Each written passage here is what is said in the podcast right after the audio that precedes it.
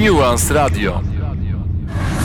Jestem właśnie z osobami, które zaczynają tworzyć dzisiaj delegacje aktywistek i aktywistów, e, którzy wybierają się na szczyt NATO e, i szczyt Rady Europejskiej do Brukseli. E, Jest ze mną Mikołaj Petryga, Cześć, dzień dobry. jest ze mną Dominika Lasota. Cześć wszystkim. No i za chwilę wsiadacie do pociągu. Po co tam jedziecie i czy czujecie, że wasza obecność tam coś zmienia? Szczególnie dlatego, że jadą też z wami osoby z Ukrainy, które dopiero co odbyły już jedną taką trudną podróż, która była podróżą, e, ucieczką przed spadającymi bombami na ich domy. Faktycznie e, wsiadamy do tego pociągu i jedziemy do Brukseli, bo czujemy, że na tyle, na ile wszelka taka humanitarna pomoc osobom uciekającym z Ukrainy jest absolutnie priorytetem, to musimy również zaadresować źródła tej wojny. A źródła tej wojny leżą właśnie w paliwach kopalnych i w tym, że Putin przez ostatnie dekady mógł budować swoje imperium na sprzedaży ropy, gazu i węgla, a Europa się na to zgadzała i z nim współpracowała i kupowała i nadal kupuje od niego właśnie te paliwa kopalne, jednocześnie napędzając tę machinę wojenną. W tym tygodniu odbywać się będzie szczyt Rady Europejskiej i NATO i tam ci światowi liderzy tak zwani będą zastanawiać się, co zrobić w tej sytuacji, jak odpowiedzieć na tę wojnę. A czemu tak zwani? Tak zwani, no bo żeby być liderem, wydaje mi się, że trzeba wykazywać się odwagą i podejmować się adekwatnych działań, a oni często tym się właśnie nie wykazują. E, dlatego tak zwani światowi liderzy będą teraz się zastanawiać nad tym, jak odpowiedzieć e, na wojnę w Ukrainie. E, I stąd właśnie jedziemy my razem z aktywistkami i aktywistami z Ukrainy, z Węgier i oczywiście z Polski, żeby dopominać się prawdziwych rozwiązań, którym jest oczywiście odcięcie się od rosyjskich paliw kopalnych. My w ogóle nie powinniśmy tego robić. My nie powinniśmy porzucać, porzucać swoich obowiązków, które mamy do zrobienia w tym tygodniu. Nie powinniśmy się fatygować, żeby w ogóle przypominać politykom o tym, o co oni powinni zrobić. 700 milionów euro dziennie płynie od Unii Europejskiej do Rosji codziennie, napędzając machinę wojenną. Dlaczego w ogóle my się mamy nad tym zastanawiać? To powinno być bez dyskusji. W tym momencie to, co powinni zrobić politycy, to zebrać się i w pierwszym możliwym momencie powiedzieć, my teraz odcinamy się od paliw kopalnych z Rosji, a w dalszym dystansie odcinamy się od paliw kopalnych w ogóle i zapewniamy bezpieczeństwo Ukrainie i całej Europie. Jednak tego nie robią. Najwidoczniej przedkładają zyski nad ludzi dla jakiejś pozornej, dla jakiegoś pozornego bezpieczeństwa pozwalają na bombardowanie szpitali, przedszkoli, na bombardowanie ludzi, którzy znajdują się w tym momencie w Ukrainie. My nie powinniśmy przypominać tego głosu ukraińskich aktywistek, aktywistów, ukraińskiego społeczeństwa, również ukraińskiego głosu nauki. Nie powinniśmy powtarzać tego, że wojna i kryzys klimatyczny mają wspólne źródła, bo nie powinno być czegoś takiego jak wojna i kryzys klimatyczny. A jednak tu jesteśmy, jednak jedziemy, jednak popełniamy ten wysiłek, yy, fatygujemy się, żeby tam jechać i to już jest dużo. Ale nie wystarczająco dużo ze strony polityków, dlatego że oni w ogóle nie reagują. E, Przed tym, jak weszliśmy na antenę, rozmawiałam z Tobą, Mikołaj, i mówiłeś o tym, e, że e, dla Ciebie to jest bardzo ważne, również nie tylko dlatego, że jesteś e, osobą, która e, jest zarówno Ukraińcem i Polakiem, ale też również dlatego, że jak myślisz sobie o sprawiedliwości klimatycznej, no to czujesz, że te, że to pojęcie, jakby całe to zjawisko, które tak naprawdę, no walczą też te młode osoby, które będą protestować w piątek na całym świecie, e, czyli właśnie pod, pod znakiem sprawiedliwości klimatycznej i pod e, hasłem tak naprawdę ludzie nie zyski, e, że to się bardzo łączy i to jest bardzo związane z tym, co dzieje się teraz w Ukrainie w kontekście finansowania tej wojny, ale też w kontekście w ogóle systemu, w którym żyjemy, takiego podejścia, w którym no, system oparty na paliwach kopalnych tak naprawdę jakby e, jeszcze wzmacnia to, że są oligarchowie, że są osoby, które mają i w, ręku władzę, i w ręku te paliwa kopalne i możliwość e, takiej wielkiej agresji, jak chociażby dzieje się teraz w Ukrainie. To jest dla mnie mega ważne, te połączenia. I lider, czy liderka, która tego nie widzi, nie jest dla mnie liderką. Nawet polski naukowiec Brzeziński podkreśla, że paliwa kopalne mają bardzo jasny związek z oligarchizacją, mają bardzo jasny związek z autorytaryzacją krajów musimy temu się przeciwstawić, a właściwie liderki i liderzy powinni się temu przeciwstawić. Kryzys klimatyczny jest niezwykle powiązaną z wszystkimi innymi rzeczami, sprawami, e, sprawą również z wojną i również z wojną w Ukrainie. To jest dla mnie szczególnie ważne właśnie dlatego, że jestem Ukraińcem i na moich oczach, może nie na moich oczach, ale widzę co się dzieje za zachodnią granicą. Widzę jak ludzie cierpią.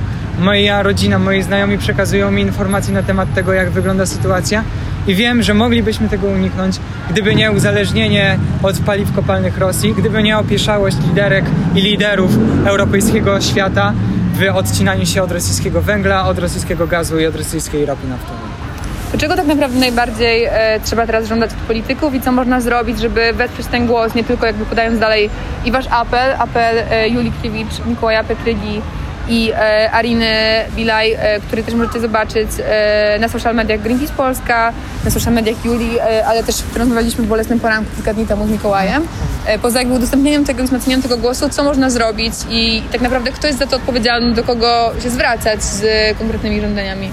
W tym momencie oczywiście e, to rządy w Unii Europejskiej, szczególnie premierowie, ale też ministrowie bezpieczeństwa są odpowiedzialni i w rękach mają możliwość podjęcia decyzji o embargo na rosyjskie paliwo kopalne, czyli na takim czasowym, czy też no, liczymy na to, że tak naprawdę całkowitym odcięciu się od finansowania i kupowania ropy, gazu i węgla. Oni mogą podjąć taką decyzję, to leży ich całkowicie jakby w gestii ich, e, w gestii ich zadań i w, w, w gestii ich odpowiedzialności.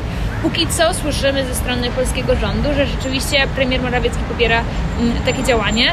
E, No natomiast no nadal już cztery tygodnie prawie, że e, tej wojny mijają i, i konkretnego embarga nie mamy. I nadal rosyjskie pociągi z węglem wjeżdżają do Polski, e, a statki, tankowce z ropą wpływają do polskich portów. Więc ewidentnie tej zmiany nie ma.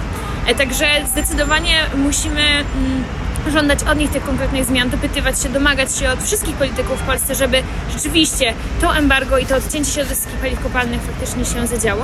No ale z drugiej strony myślę, że to, co jest takie bardzo bezpośrednie, to chociażby e, Orlen. Orlen jest wszędzie, w całej Polsce i Orlen pomimo czterech tygodni już wojny w Ukrainie nadal e, nie odcina się od swoich e, umów i różnych dealów z, z Putinem, z gospodarką rosyjską e, i z rosyjskimi e, firmami e, paliw kopalnych, nadal kupuje od nich surowce, więc być może właśnie następnym krokiem, którym, którego musimy się podjąć poza naciskiem na, na sam szczyt, czyli na rząd, jest również po prostu nacisk na Orlen, protestowanie, strajkowanie, czy też bojkotowanie chociażby Orlenu za to, że tak naprawdę w tym momencie Orlen kupujący e, ropę naftową z Rosji, no, ta firma ma krew e, e, osób ukraińskich na swoich rękach. Tak, i co gorsza, to ja pamiętam taką statystykę mówiącą o tym, że 70% e, ropy, którą używamy w Polsce, to jest ropa właśnie z Rosji. No i Orlen jest spółką państwową, więc tak naprawdę to finansowanie tej wojny drogą kupowania ropy odbywa się z naszych kieszeni. Dokładnie.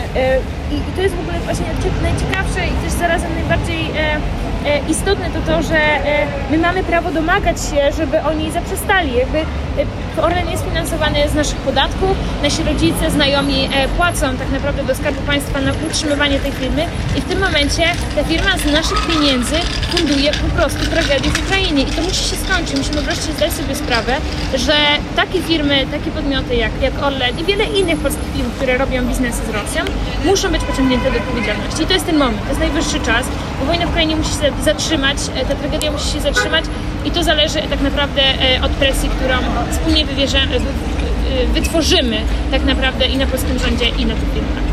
A czy ty wierzysz, Mikołaju, czy ten apel, który wystosowaliście z Ariną i z e, Julią, e, ale też e, ten głos, który teraz jest wzmacniany i e, przez e, osoby i aktywistów i aktywistki z różnych części, e, no głównie Europy Środkowo-Wschodniej, ale nie tylko tak naprawdę, e, czy ten apel po- pierwsze dojdzie do tych polityków, a po drugie, czy czujesz przed tymi spotkaniami z europarlamentarzystami, które mają odbywać się w Brukseli, że to faktycznie może coś zmienić? To jest pytanie, które, na które ja znam odpowiedź. I Czuję, że tak, bo, bo, bo wiadomo, że presja ma sens, ale zastanawiam się, jak ty się czujesz e, z tym w obliczu też tego, że wiesz, co dzieje się tak naprawdę kilkaset metrów od nas, kilkaset metrów od Warszawy. Em, czuję, że ten apel pójdzie. Czuję, że, że rzeczywiście będziemy usłyszeni. Pytanie, czy e, pytanie, czy nasz przekaz po prostu dotrze do, na ten, do, dotrze do tego stopnia, że politycy zrealizują ten nasz apel. Jak się jeszcze czuję? Czuję się zły, czuję się sfrustrowany, chce mi się krzyczeć, chce mi się płakać. Tak jak mówiłem, ja nie powinienem tego robić. Nie powinna tego robić Alina, nie powinna tego robić Julia. My w ogóle nie powinniśmy się odnosić do polityków, dlatego my wymagamy od nich, oni są, mają obowiązek usłyszeć to od nas, oni mają obowiązek działać dalej i uczynić to, co powinno być słuszne. Nasze żądania są bardzo proste, chociaż ich proces im- implementacji jest skomplikowany, ale to, co żądamy, jest naprawdę proste, czyli odcięcie się od rosyjskich paliw kopalnych, w dłuższej perspektywie sprawiedliwa transformacja sektora energetycznego i sprawiedliwość społeczna. Czy będzie to zrobione? Zależy to od, od polityków, od liderów. My w tym momencie cały czas, cały czas naciskamy, cały czas e, pokazujemy swoją presję. A politycy pokazują tylko puste słowa. Jest tylko solidarność, tylko hashtag e, solidarity, hashtag stand with Ukraine. Pytanie, co za tym wszystkim idzie? No na ten moment nic. Tak, żeby dać jeszcze insight w parę liczb. Polska e, jest... I robimy teraz notatki. Tak, robimy dodatki. Polska jest drugim po Niemczech w Unii Europejskiej importerem paliw kopalnych, a... Z Rosji. Z Rosji, z Rosji, a Rosja, dla Rosji to jest 40% e, całego zysku, to są paliwa kopalne.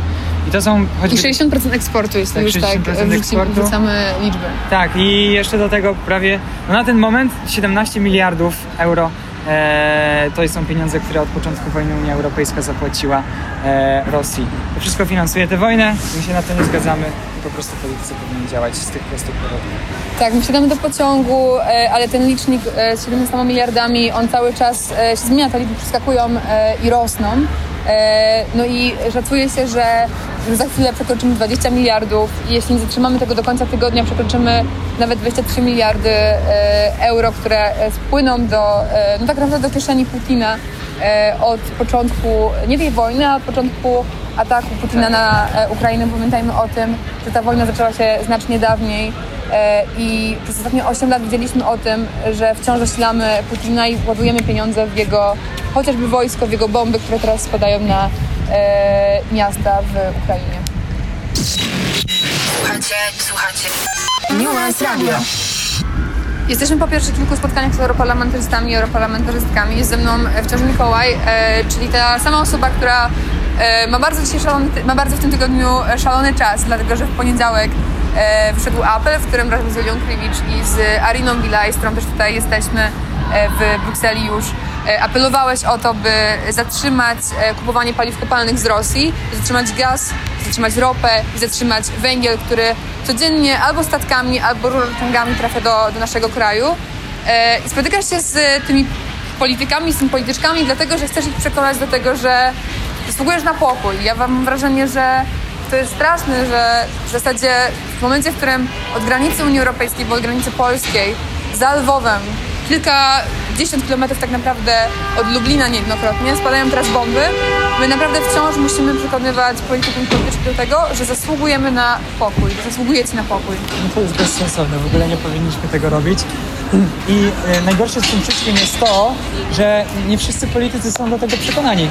To znaczy nie wszyscy, nie wszyscy stawiają bezpieczeństwo osób ponad zyski.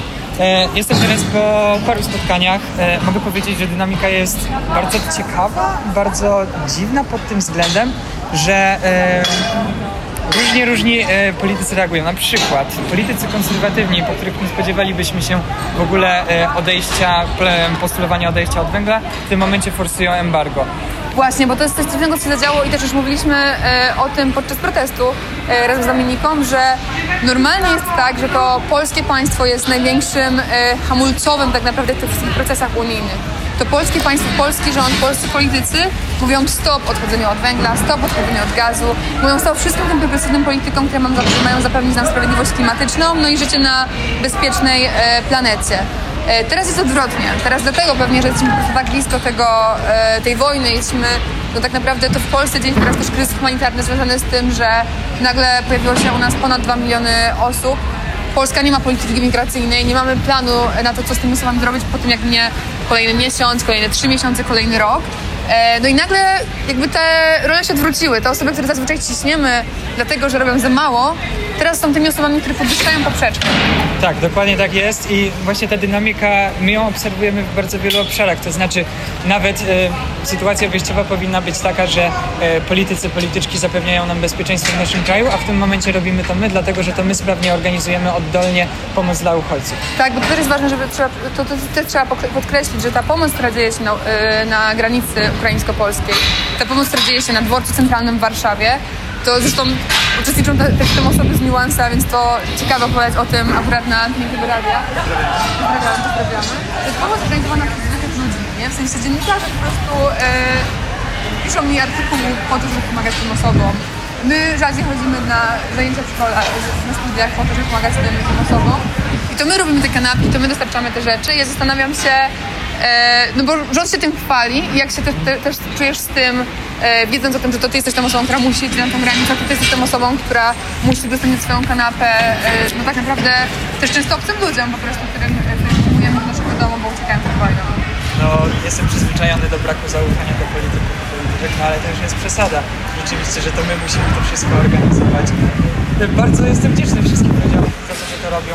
Widzę moja wiara w bliskość. Tak gównolotnie to wszystko brzmi, ale rzeczywiście bardzo, bardzo się polepszyła i czuję bardzo dużą wdzięczność. I też to jakby to odwrócenie, o którym mówiliśmy, to odwrócenie, o którym mówiłaś, też właśnie występuje na przykład w tym, że, że jakby politycy, to jakby my zmuszamy polityków do tego, żeby działali pod tym względem, żeby e, od uniezależniali się od rosyjskiego węgla, od rosyjskiego gazu i od rosyjskiej ropy naftowej, a nie, nie, nie robią tego i na przykład, nie wiem, powiedzmy taka e, Europejska Partia Ludowa e, właśnie zagłosowała przeciwko użyciu, przeciwko podążaniu za e, Zielonym Ładem w swojej ustawie na temat e, rolnictwa. No to, czy to ma sens? To bez sensu to jest naprawdę, nie rozumiem.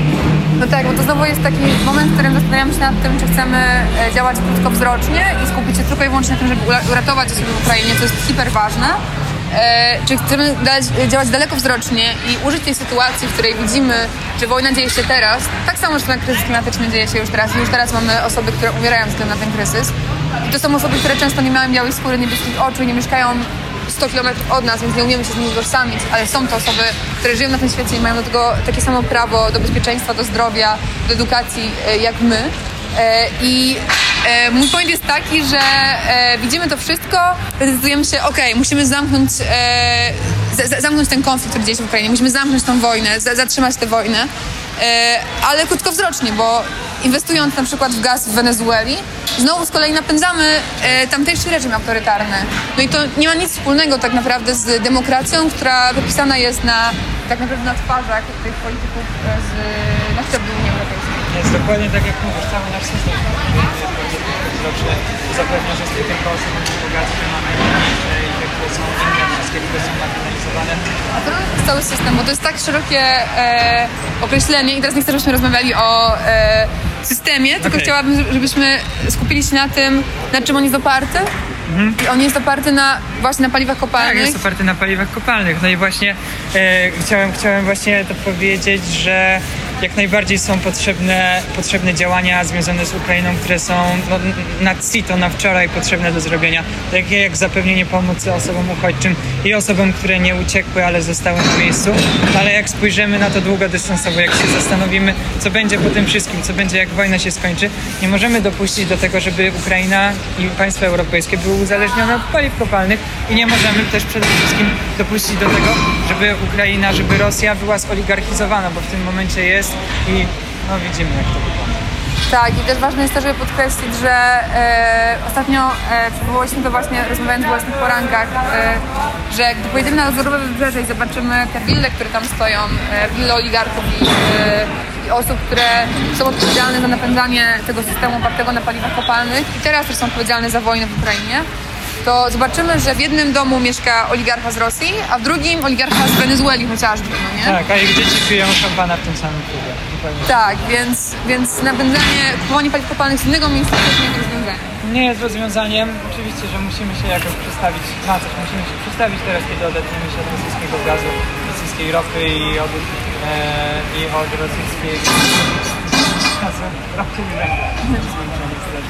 Em, No i e, no tak, ale jeżeli chodzi o tę zmianę mindsetu, zmianę sposobu myślenia, politycy myślą, że to jest niemożliwe, ale politycy zawsze myślą, że rzeczy tego zrobienia są niemożliwe, a już wiele razy widzieliśmy, że udało się zrobić właśnie ze sprawy tego nacisku społecznego. Więc najpierw ten mindset, najpierw jakaś doraźna, zmiana, a długodystansowo, właściwie już niedługo, bo kryzys klimatyczny dzieje się na naszych oczach, przejście na odnawialne źródła. Nuance Radio. Jesteśmy właśnie na strajku klimatycznym, który zaczyna się w Brukseli. Te strajki odbywają się dzisiaj w tysiącu, e, w tysięcy miastach na całym świecie. E, Między innymi tutaj, czyli w stolicy Unii Europejskiej, a jest tutaj dlatego, że przyjechaliśmy e, i przyjechałyśmy delegacją aktywistek i aktywistów z Europy Środkowo-Wschodniej, która taką nazwę. Tak, jak najbardziej. Jesteśmy tutaj, żeby pokazać, że 700 milionów euro codziennie płynie do Rosji i jest to po prostu zrozumiałe. Jest to... Europejscy politycy finansują te wojny, które teraz odbywa się w Ukrainie i przyjechaliśmy tutaj, żeby powiedzieć, no halo, ogarnijcie się. Ja e, zastanawiam się e, nad tym, że nasi słuchacze, nasze słuchaczki pewnie nie wiedzą do końca, jak wygląda ten link między e, wojną w Ukrainie a paliwami kopalnymi, dlaczego to jest tak ważne. Bo właśnie teraz, właśnie podczas e, no, dni, w tak naprawdę bomby spadają na miasta, z których są przyjaciele, nasi przyjaciół Ukrainy, e, żeby mówić o uzależnieniu paliw kopalnych. Jak ty widzisz ten sytuację? Wiesz co, to jest tak, że jeżeli kupujemy paliwa kopalne od Rosji, to finansujemy oligarchów, którzy są jedynymi posiadaczami firm, które produkują i przetwarzają te paliwa. Oligarchowie dają milczącą zgodę Putinowi na to, żeby cały czas organizował tę wojnę. Jeżeli nie będzie tych pieniędzy, nie będzie tej zgody na to, żeby ta wojna była finansowana i po prostu nie będzie pieniędzy na tę wojnę, więc jakby tutaj e, połączenie jest bardzo proste i dziwię się, że politycy tego nie widzą, a mam wrażenie nawet, że oni to widzą, ale nie chcą za bardzo o tym myśleć. A gdybyś ty mógł powiedzieć tym politykom, którzy są za to odpowiedzialni, jakieś dwa zdania, to co by to było? Ja bym odwołał się do ich, do ich sumienia. Ja bym zapytał, czy rzeczywiście chcą za cenę bombardowania szpitali, przedszkoli, bombardowania ludzi w Ukrainie, chcą sobie zapewnić jakiś, wydaje się, potencjalny spokój w swoim kraju? Czy naprawdę to jest to, jak chcą to rozgrywać? Niech się zastanowią. Super. Wczoraj spotykaliście się też z europosłankami, europosłan, e, europosłami w Brukseli. Polska nie tylko administracji naprawdę od zupełnie bardzo konserwatywnej partii do, e, do takich niezwykle lewicowych, zielonych polityczek. I e, jak outcome tych spotkań, czy wydaje ci się, że coś da? E, jak też czujesz się po tych słowach, które powiedziała Ursula von der Leyen wczoraj, a przypomnijmy, że powiedziała, że e, jej zdaniem e, jest ogromna szansa na to, że takie pełne embargo na rosyjski gaz, rosyjski węgiel, rosyjską ropę jest możliwe, że to może się wydarzyć. No, to jest dobra news, potrzebujemy tylko deadline'u, e, bo wiem jak to politykami. Mamy wiele e, różnych, mamy wiele różnych obietnic, które nie są spełniane dlatego, że po prostu nie mamy daty końcowej e, ich spełnienia. To jest dokładnie tak, jak mówisz. To znaczy, fajnie, że, fajnie, że to jest, ale potrzebujemy konkretów. Potrzebujemy wszystko mieć rozpisane to, kiedy, jak to się będzie odbywać, dlatego, że to jest priorytet, tylko w ten sposób sobie bezpieczną przyszłość. Jak się czuję po tych spotkaniach? Cóż, e, różnie. Różnie powiem szczerze, dlatego że wojna kompletnie zmieniła dynamikę polityki. E, ugrupowania, które do tej pory były bardzo anty-OZE, na przykład stwierdzają, że embargo jest w tym momencie koniecznością. Z drugiej strony grupy, które deklarowały, przynajmniej deklarowały przyjaźń e, wobec sprawiedliwej transformacji, starają się odepchnąć e, Zielony Ład na drugą stronę w ogóle, nie chcą tego robić. Dlatego, tak jak mówię, czekam na konkrety, będziemy cały czas naciskać i oczywiście jesteśmy rozma- chętni rozmawiać ze wszystkimi, którzy są gotowi na tę zmianę, ponieważ mindset jest tutaj najważniejszy.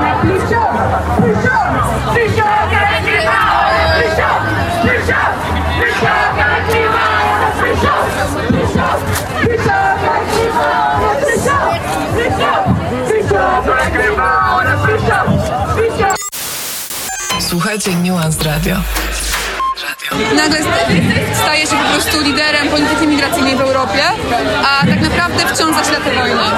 Ja myślę, jak powiedziałabym, po prostu do dzieła. Potrzebujemy konkretu, potrzebujemy konkretnych działań, potrzebujemy tego, żeby po prostu pociągi z węglem z Rosji nie wjeżdżały do Polski,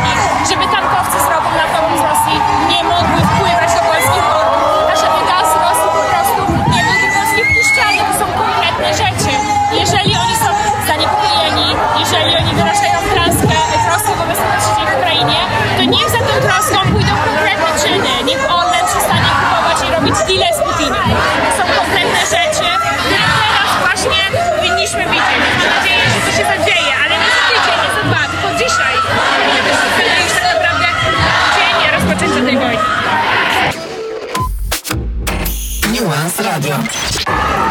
Okay, so right now I'm here with Camille from France, and she's here uh, in Brussels.